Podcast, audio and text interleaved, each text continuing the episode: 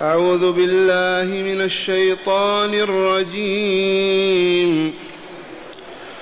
وجعلوا لله مما ذرأ من الحرث والأنعام نصيبا فقالوا فقالوا هذا لله بزعمهم وهذا لشركائنا.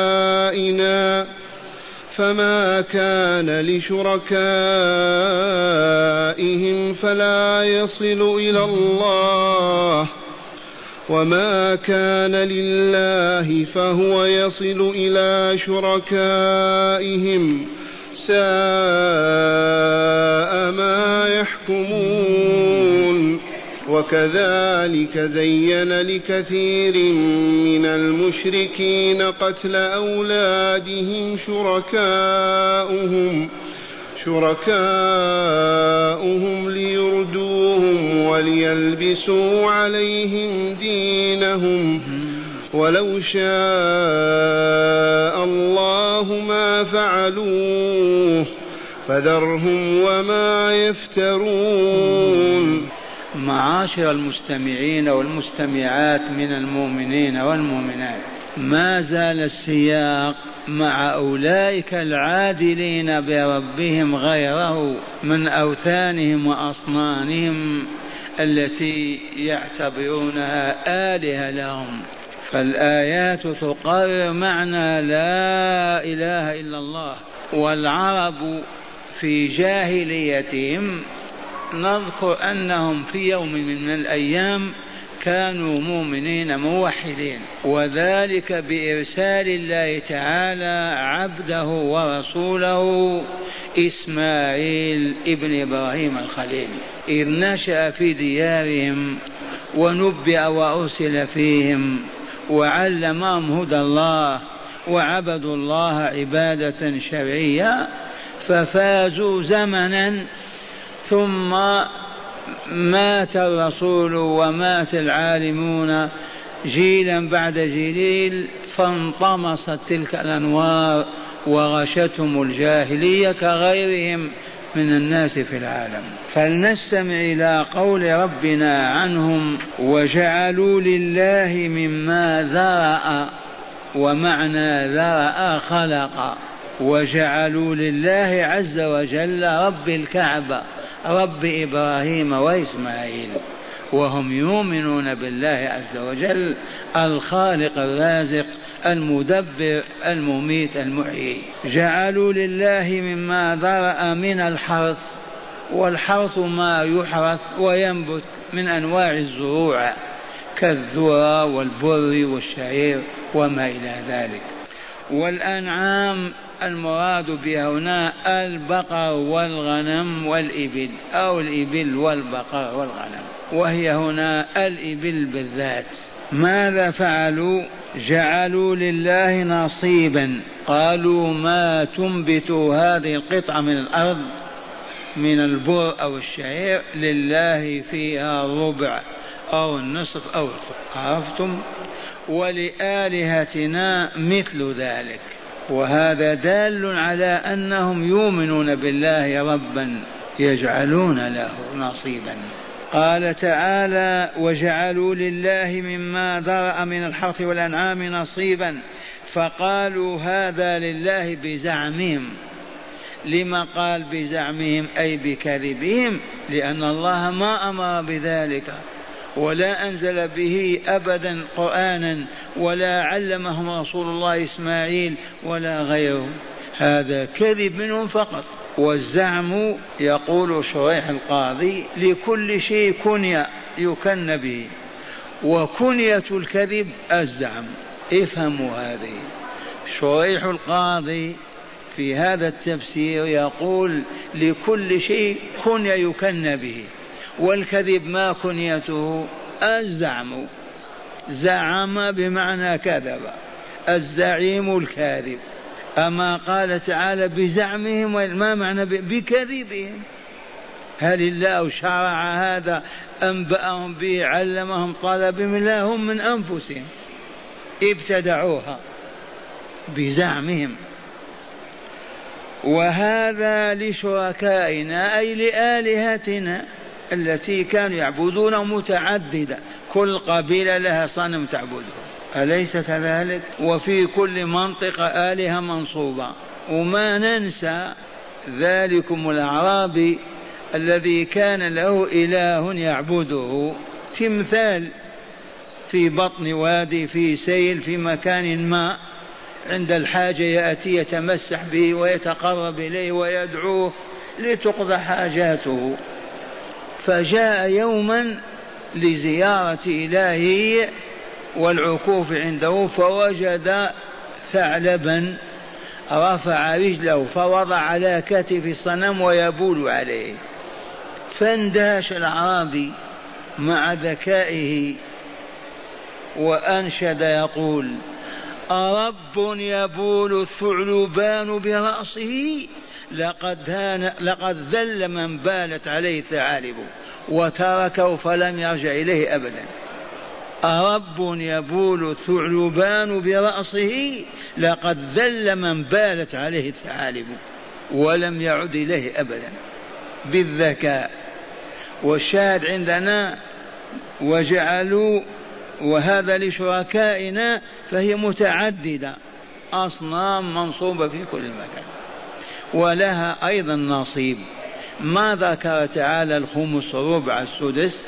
يجعلون لله نصيبا ولشركائهم آلهتهم نصيبا. من الحرث أي الزرع ومن الأنعام. ما تلد هذه الناقة هو لكذا. أو ما يولد من هذا الغنم له كذا.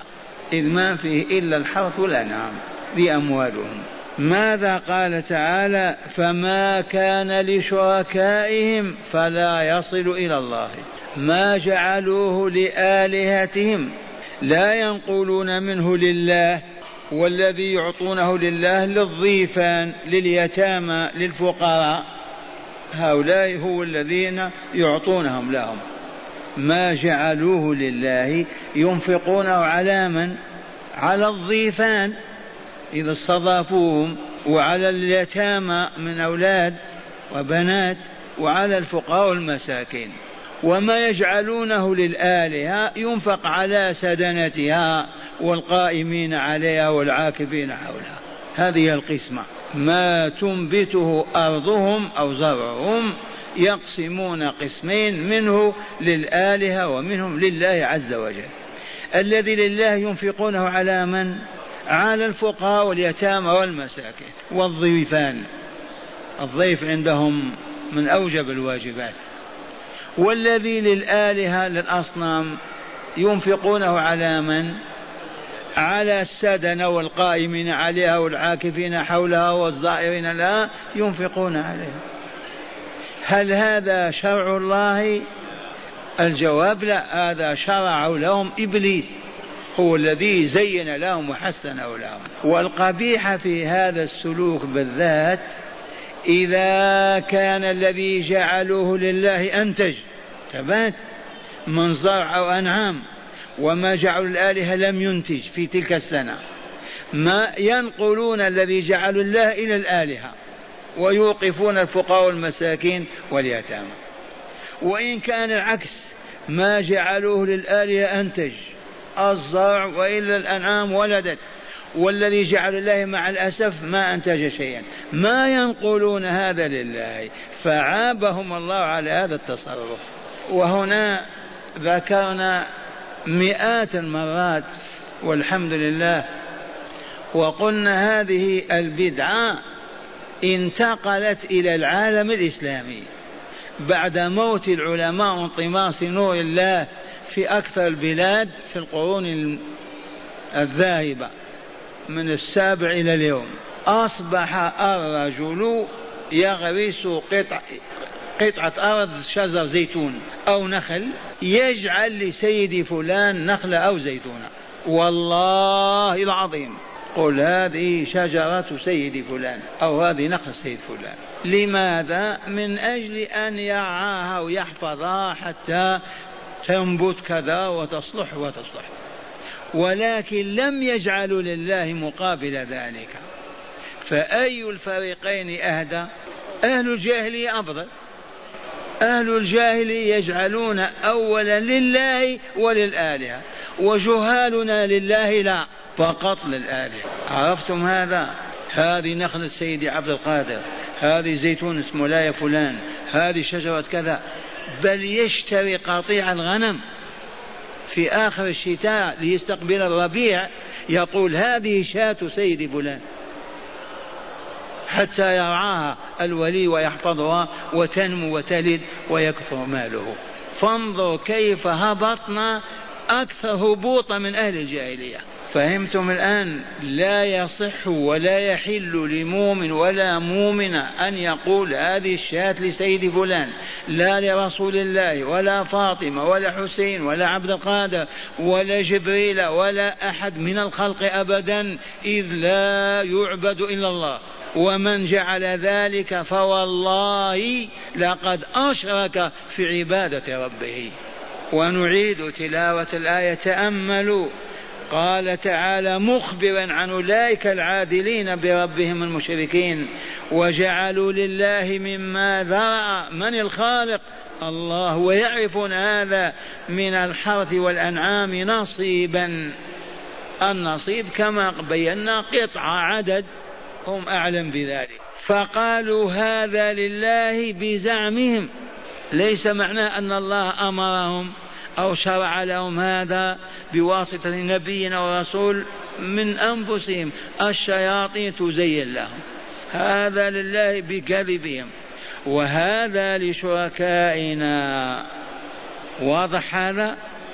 قال تعالى فما كان لشركائهم فلا يصل إلى الله. متى إذا كان الذي جعل الآلهة ما أنتج؟ ينقلون الذي كان لله لآلهتهم ويتركون الله. ما يعطون يقول الله غني. ما هو في حاجة إلينا. وما كان لله نعم. فما كان لشركائه فلا يصل إلى الله. وما كان لله فهو يصل إلى شركائهم متى إذا الذي جعله الآلهة ما أنتج؟ لا زرع ولا بقر ولا غنم. ينقلون الذي جعل الله وأنتج. في حيث جور وإلى ما عدلوا المفروض ما كان لله لله دائما وللآلهة للآلهة. وإذا نق ما, ما أنتج هذا ينقلون من هذا. أما ينقلون فقط ما كان لله لآلهتهم ولا ينقلون من الآلهة إلى الله فهو حيف واضح وإلا؟ وجور وظلم. ومعنى هذا أن الظلم والحيف محرم حتى في حالك هذه. من الآداب والأخلاق. ما يجوز هذا. ولكن الشياطين تزين لهم ذلك وتحسنه. فكان هذا دينا عندهم وعباده قال تعالى ساء ما يحكمون. أي قبح أشد القبح. هذا الحكم الذي يحكمون به. في, في قبح ولا لا؟ يا أهل الذوق والأخلاق ما هو واضح القبح؟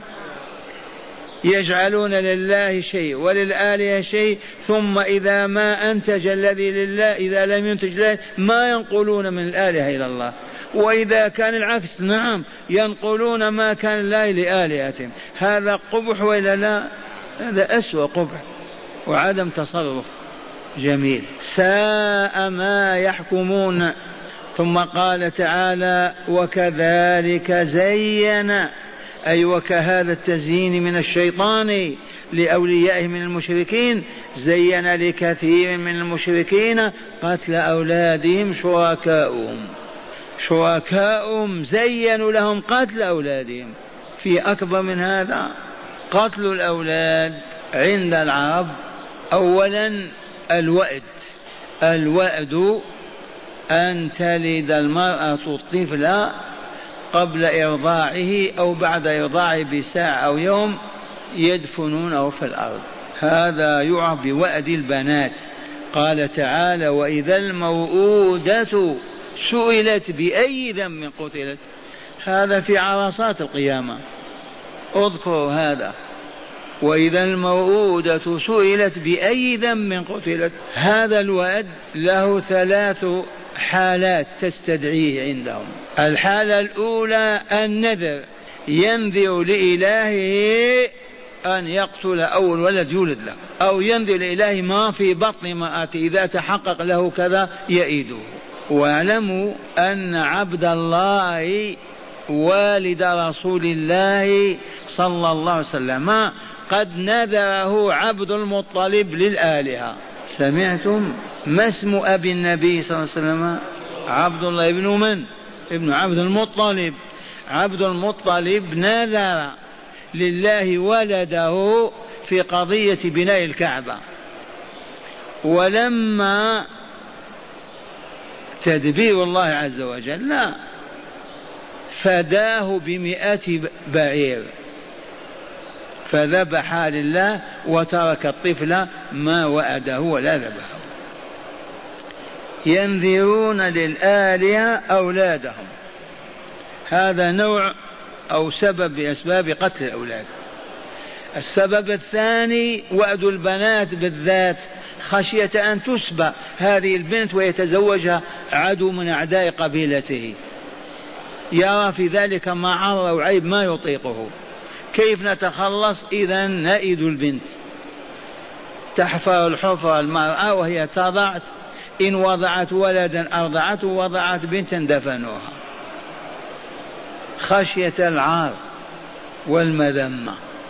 من أن تسبى بحرب بينه وبين قبيلة أخرى وتصبح بنت في قبيلة أخرى إذا ما يطيق هذا.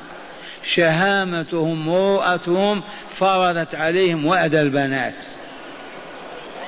الحال الثالثة وهي خوف الجوع والمجاعة وهذا ينظرون إلى السنة. إذا لا مطر والجدب يخافون أن يجوعوا ويهلكوا فيئدون الأولاد ذكورا أو إناث من في بطنها ولد ما إن تضعه يدفن في الحفرة في نفس المكان. ذي ثلاث حالات لواد البنات. من زين هذا؟ آلهتهم شركاؤهم الشياطين التي تتكلم بلسانهم. وتعلمهم هذا الباطل. قال تعالى وكذلك زين لكثير من المشركين قتل أولادهم شركاؤهم. لماذا؟ قال ليردوهم. والإرداء الإهلاك والدمار والقضاء عليهم زين هذا الشياطين الذين عبدوهم لأن عبادة الصنم أو التمثال أو الوثن. من زينها؟ من دعا إليها؟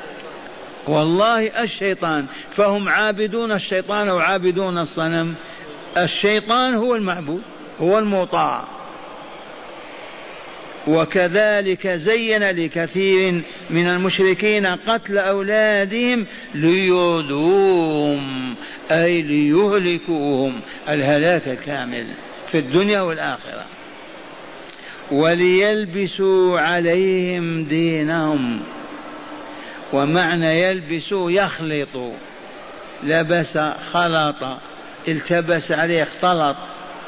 هذا الدين الذي ورثوه عن إسماعيل بن إبراهيم. أما يحجون البيت ويطوفون؟ بلى. أما يكرمون الضيوف أما فضائل كاملة ورثوها عن دين الله الأول. فجاءت الشياطين بعد أن نقلت إليهم الأصنام بواسطة من؟ عبد الله؟ لا.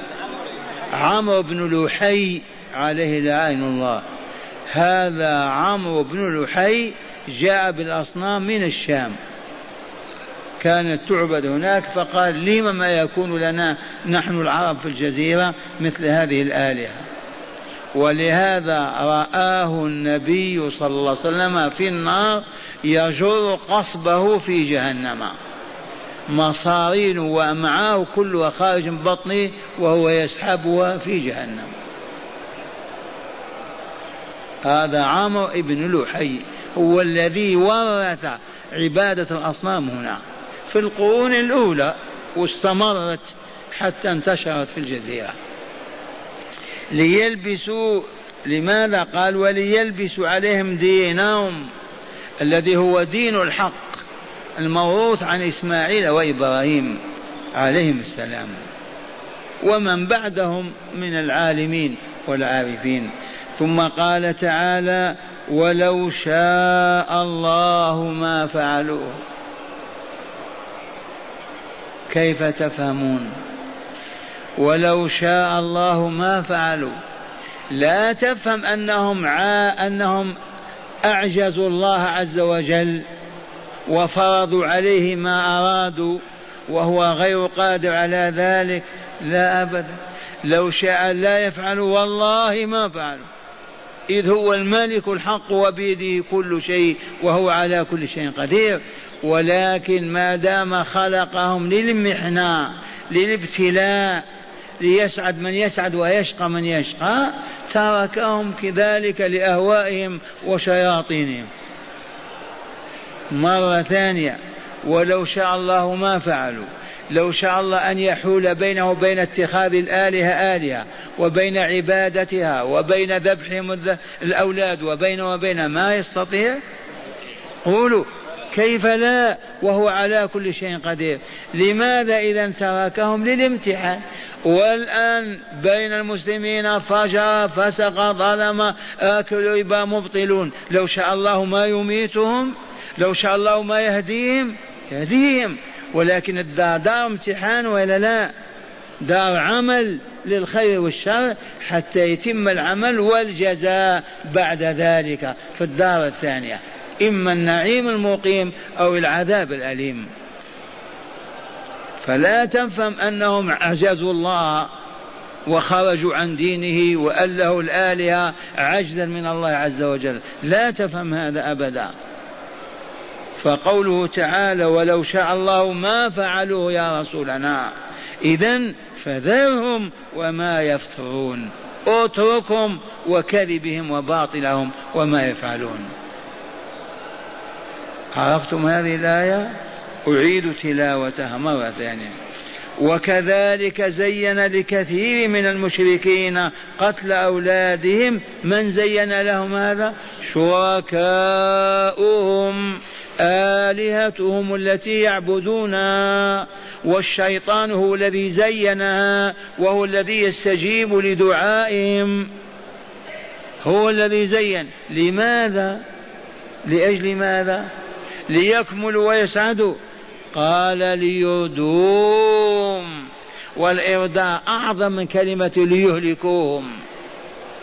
ليردوهم إذا هذا أولا ليردوهم ليهلكوهم وثانيا ليلبسوا عليهم دينهم الحق حتى لا يدخلوا الجنة والشياطين تدخل النار. فنقمة إبليس كيف أنا أدخل النار وأخلد فيها؟ والآدميون الذين بسببهم أبلست من كل خير يدخلون الجنة. إذا وعزتك يا ربي لأغوينهم أجمعين. ما قال هذا؟ إذا فكل معصية يزينها الشيطان وذريته الشياطين من أجل ماذا؟ لانتقام من بني آدم. لما يدخلون الجنة وندخل النار؟ لما يحبهم الله ويبغضنا لما يسخط علينا ويرضى عنهم. إذا لا بد وأن نحملهم على هذا الذي يبعدهم من رحمة الله ورضاه. وليلبسوا عليهم دينهم ويخلطوه عليهم حتى ما يعبدون الله عبادة تزكي أنفسهم وتطهر الله. ولو شاء الله ما فعلوا يا رسولنا لا تحزن. لا تبكي لا تتألم. لو أراد الله ألا يشركوا والله ما أشركوا. أليس كذلك؟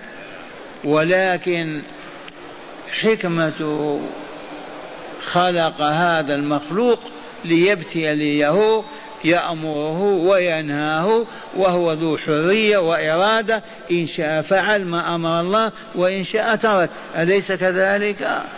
فلو كانت لا إرادة له ولا حرية ما يواقب ولا يعاقب.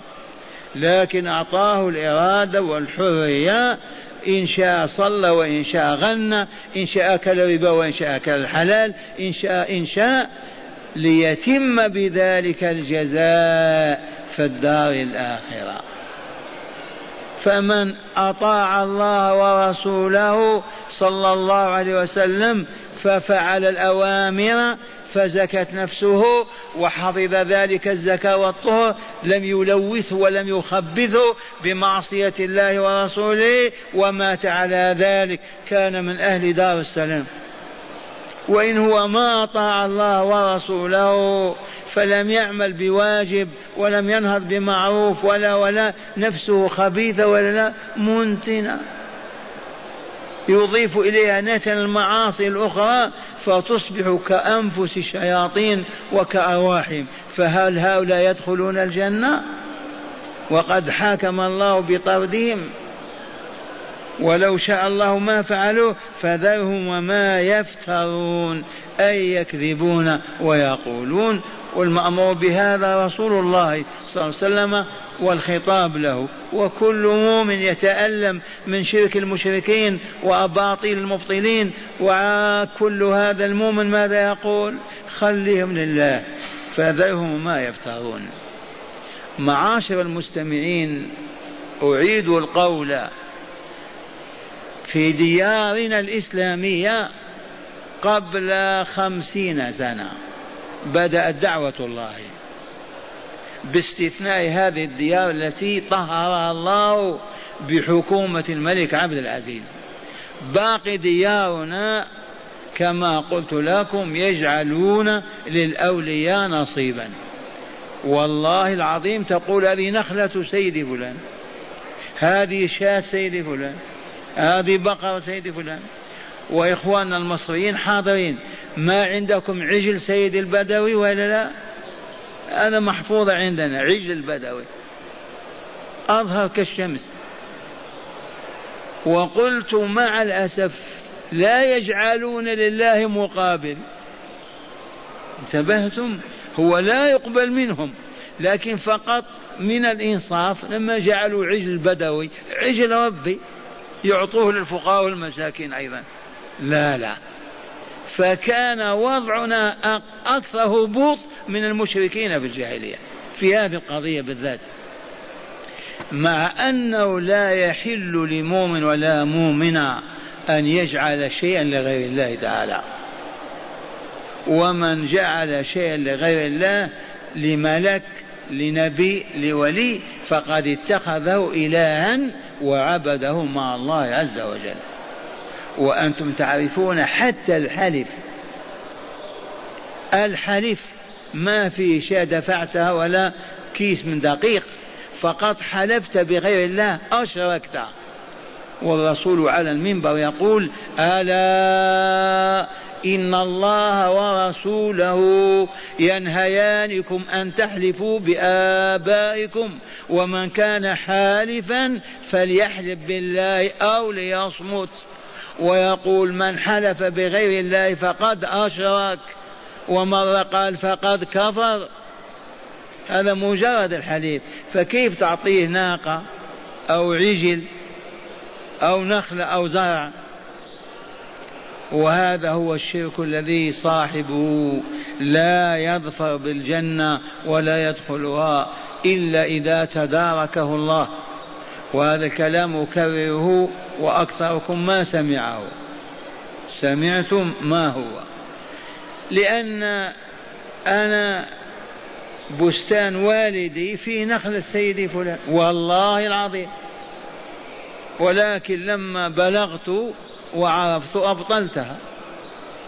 بالله العظيم.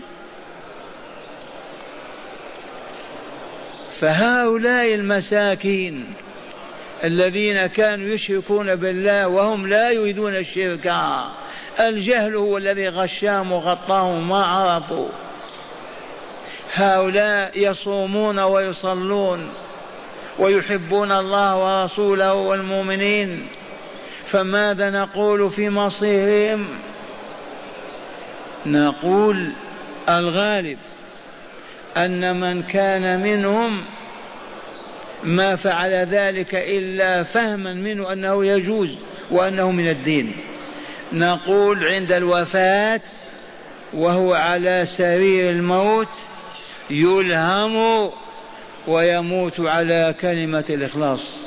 لا إله إلا الله محمد رسول الله.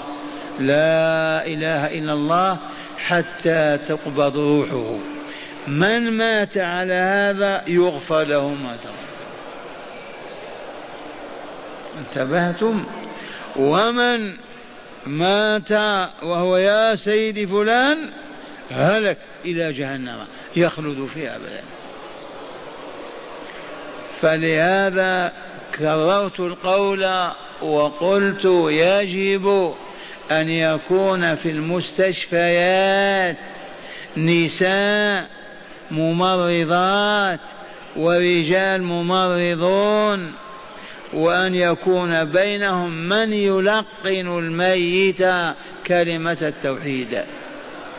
يجلس إلى جنبه ويقول لا إله إلا الله لا إله إلا الله. فإذا قالها المريض سكت حتى يختم له بها. فإن تكلم المريض بعد ذلك وقال أعطوني ماء أو كذا يعيدها الملقن. لا إله إلا الله. حتى يموت عليها المؤمن. من مات وآخر كلامه لا إله إلا الله دخل الجنة. بهذا أخبر رسول الله صلى الله عليه وسلم. فهمتم ما قلت لكم؟ قلت تلك الجاهلية لو أن شخصا يريد الله نجاته لأنه كان يفعل ذلك لا عن عمد ولا قصد بل تقليدا يظن أنه دين الله. هذا فالغالب يموت وهو لا إله إلا الله. وكم وكم هذا مشاهد. وينسى عبد القادر والبدوي و ما يخطر على باله. لأن الله عاصمه فيموت على كلمة التوحيد. هذا يدخل الجنة ولا يخلد في النار. والكلمة الأخيرة فهمتم. قلنا هذا وما فعل رجالنا حتى في المدينة. وبلغناهم. يجب أن يكون ضمن الممرضين والممرضات في المشافي من هو مختص بالذين هم في في في حالة الاحتضار أن يجلسوا إليهم ويلقنوهم كلمة التوحيد. لا يقول له قل. ممكن يقول لا أقول فيهلك. فقط يقول إلى جنبه لا إله إلا الله امتثالا لأمر الله لأمر رسول الله صلى الله عليه وسلم إذ قال لقنوا موتاكم لا إله إلا الله لقنوا موتاكم لا إله إلا الله.